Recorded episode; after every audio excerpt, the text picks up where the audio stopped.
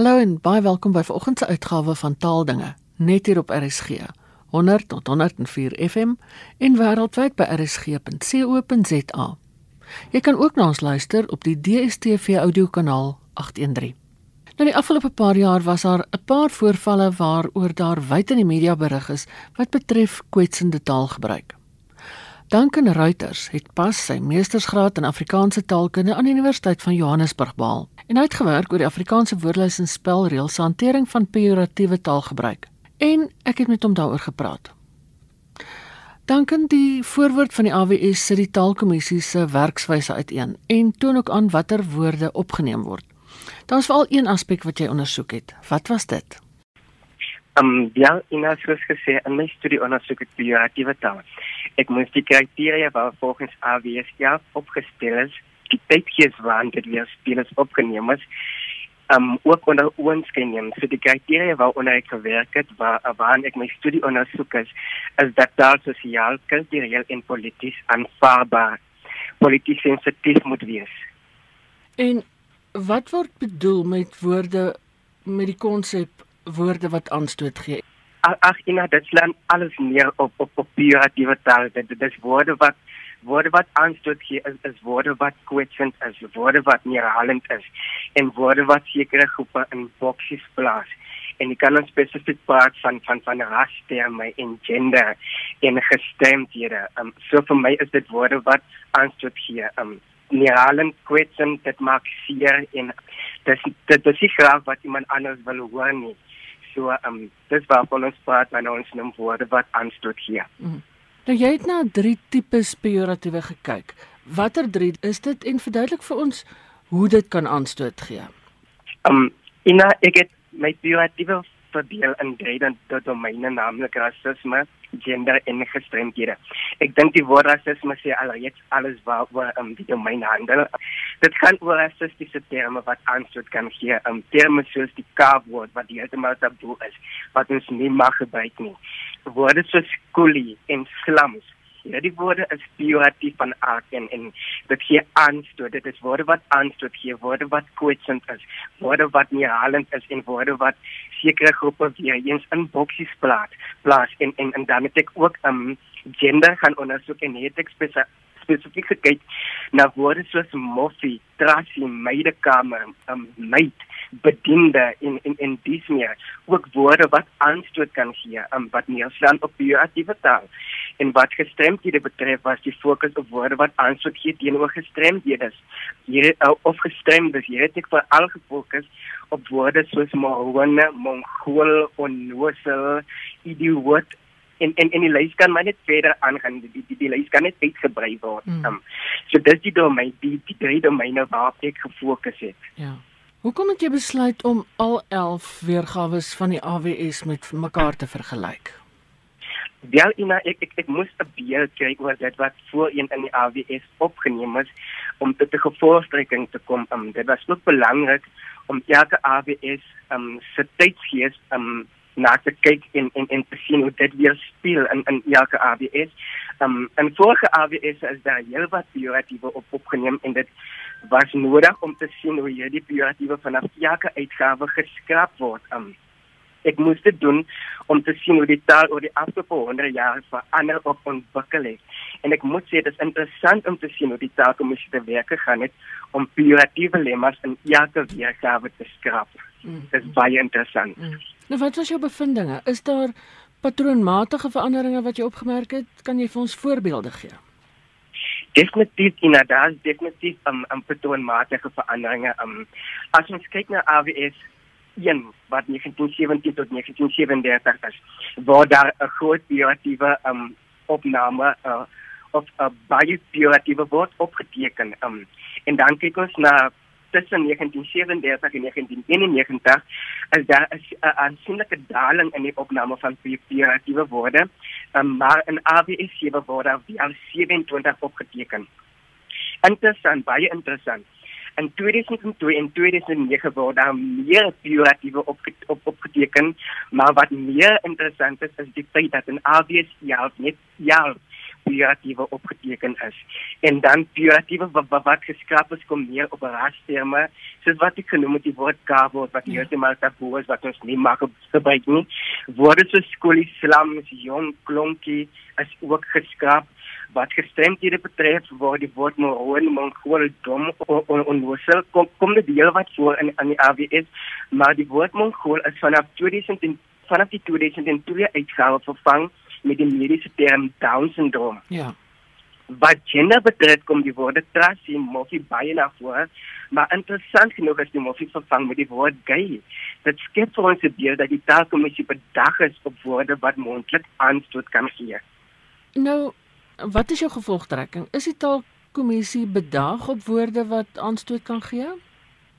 Ehm um, ja, ina definitief. Ehm um, soos ek um, genoem het, as jy mens gaan kyk na die um, verskillende uitgawes van die ABS, dan kan jy duidelik sien dat daar uh, 'n patroonmatige verandering is um, wat betref die opname van bioaktiewe taal en um, die uitgawes verskil wat wat betref die opname van pejoratiewe lemmas en die sin dat woorde wat moontlik aanvanklik nie as pejoratief beskou is nie in die ouer um uitgawes voorkom maar in latere uitgawes geskraap is. Die voorgesette weglating van pejoratiewe woorde in die woordelys van AWS is aanduidend van 'n deurlopende en volgehoue sensitiwiteit teenoor woorde wat aanstoot kan gee. Hmm. So definitief um is um die AWS um die die die die taalkommissie bedag op, op woorde wat aanstoot kan gee. Ja. Die AWS word beskou as 'n weerspieëling van die tydsgees waarin dit geskep is. Het jy dit agtergekom in jou studie wat betref die woorde wat jy ondersoek het? Ja, ek het dit definitief agtergekom uh, um in nou want woorde soos ek genoem het, ja. erge um ja. rasterme ja. as, as jy toe maar geskraap en in die AWS waarmee ek te maak gehad het, um, was daar geen rasterme um, betrokken nie. Um, wat wel interessant is, die feit dat um, in in probleem is, is dat woorde soos homoseksueel, gay en lesbier en en trans en transvestiet in AWS ja opgeneem is, gegee die feit dat dit um, aspiratief moontlik beskou kan word en sensitief is, as jy woorde glad nie die die um pejoratief nie en dit weerspieël kwessies van die LGBT gemeenskap en dit staan in skille uh, skrille kontras tot woorde soos morfie transie en transie wat wel en vorige uitgawes van van, van die ABS weer weer weer skyn het. So so so jy, jy, jy kan duidelik sien um dat die tydsgees vir ander en en dat dit aansluit by die demokratiese bestel waarin ons ons vandag bevind. Is daar woorde in die jongste uitgawe van die AWS wat jy dink daar maar geskraap kan word? Um Ina, hierdie is 'n baie 'n netelige kwessie omdat um die taalkommissie 'n paneel is um, met um, mense wat uh, baie hooggeleerde professore en um groot geeste in Afrikaans maar um volgens my insiens kan die woord die woord um moontlik geskraap word omdat dit verwys na 'n persoon met 'n IQ van tussen 0 en 25. So dit kan gesien word as 'n pejoratief as jy dit teenoor iemand um, gebruik. Um, en dan uh, wat die woord hoe betref kan dat definitief 'n saak uitgemaak word dat dit gender on onsens onsensitief is want dit verwys na 'n vrou dit dit, dit is nie halend dit is afkeerend um, as dit gebruik word vir as teenoor vroue en dan word Ekskuus tog sê net weer watter woord um, die woord hoor. O o o ek sien. Okay. Ja, ek ek wys op die jammer. nee nee nee, reg. en dan ook die die woord verwys um kan ook moontlik um geskraap word omdat dit ook as afkeering en herhaling gebruik word om te verwys na 'n seun of 'n man met vermeende eienskappe van 'n meisie of 'n vrou en wat as swak en minderwaardig beskou word. So um by insiens dis woorde waarna die uh, taalkommissie kan kyk wat moontlik geskep kan word uit um uit die AWS as hulle besig is met 'n nuwe AWS um dan kan dit woorde wees wat geskep kan word of moontlik geskep kan word hmm. is die die benadering nie naderhand te polities korrek nie. As 'n mens nou verwys na idioot soos jy dit nou gedoen het, ek dink nie die uitdrukking bedoel noodwendig iemand met 'n uh, IQ soos jy gesê het van onder 25 nie. Ehm um, word dit nie te polities korrek nie. Nee, um, ek ek ek, ek dink nie so nie, Ina. Ek ek, ek dink nie so nie. Um um vir my slaan dit meer op op op, op papier dis en die PRT vir my is um woorde wat aanstoot gee en um so ek ek ek dink dit dit slaan meer op op woorde wat te polities korrek is nie. Hmm. Sou jy sê kon jy uit jou studie agterkom of daar 'n konsep is soos te polities korrek of kan 'n mens nie genoeg sensitief wees vir woorde wat aanstoot gee nie? Mens kan nie genoeg sensitief wees vir woorde wat aanstoot gee nie. Ek ek ek, meen nie die woorde as in Afrikaans sprekende se mond so um jy jy jy kan nie genoeg um bewus wees van van woorde wat wat, wat sensitief is en wat aanstoot gee nie.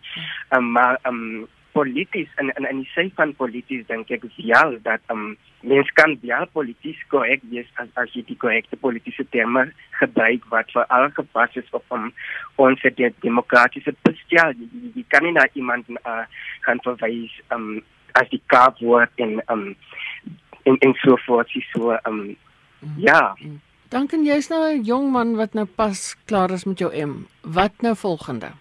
Um Ina, um ek wil baie graag met PhD um aanpak volgende jaar, maar um ek het gedink aan 'n onderwerp um oor vloekwoorde omdat dit opbou op die um bioaktiewe uh, tema. So ek ek ek het gedink aan aan 'n studie in vloekwoorde.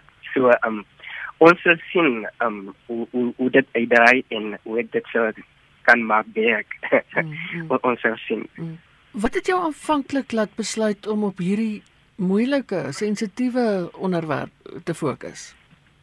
Weet jy Ina, dit, dit was glad nie eers in die plan nie. Ek ek sou nie figuratiewe taal ondersoek het nie. Um, ek sou eers standaardisering on on ondersoek het en en um, maar toe kom ons tot die besefing dat um, my studie en Dr. Gerda Woodendal se studie um, ja.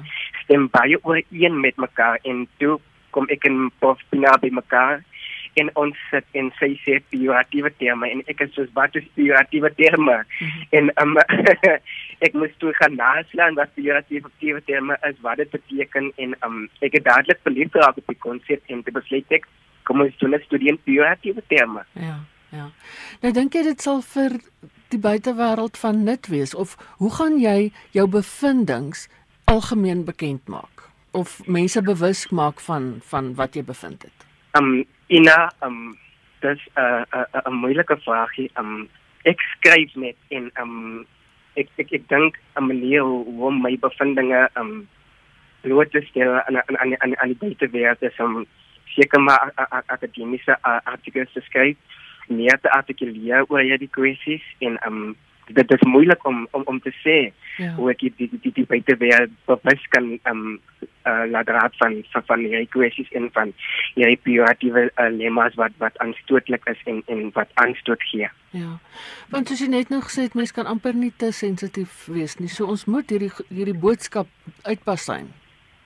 Jy jy, jy moet dit dit, dit is belangrik. Jy jy moet maar um met um die moderne samelewing en en tegnologie en so voort dink ek dat dit moontlik sal wees vir my om om daar hier die um, studie meer um, bloot te stel aan aan aan ander mense um, sodat hulle kan sien wat um, polities um, korrek is en wat sensitief korrek is en en um, wat woorde is wat aanstoot hier in in in in die smeers.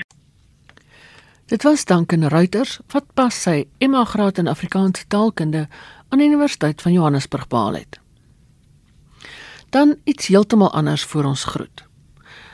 Die Suid-Afrikaanse Akademie vir Wetenskap en Kuns wag benoemings in vir die 2021 Jan H. Maree Prys.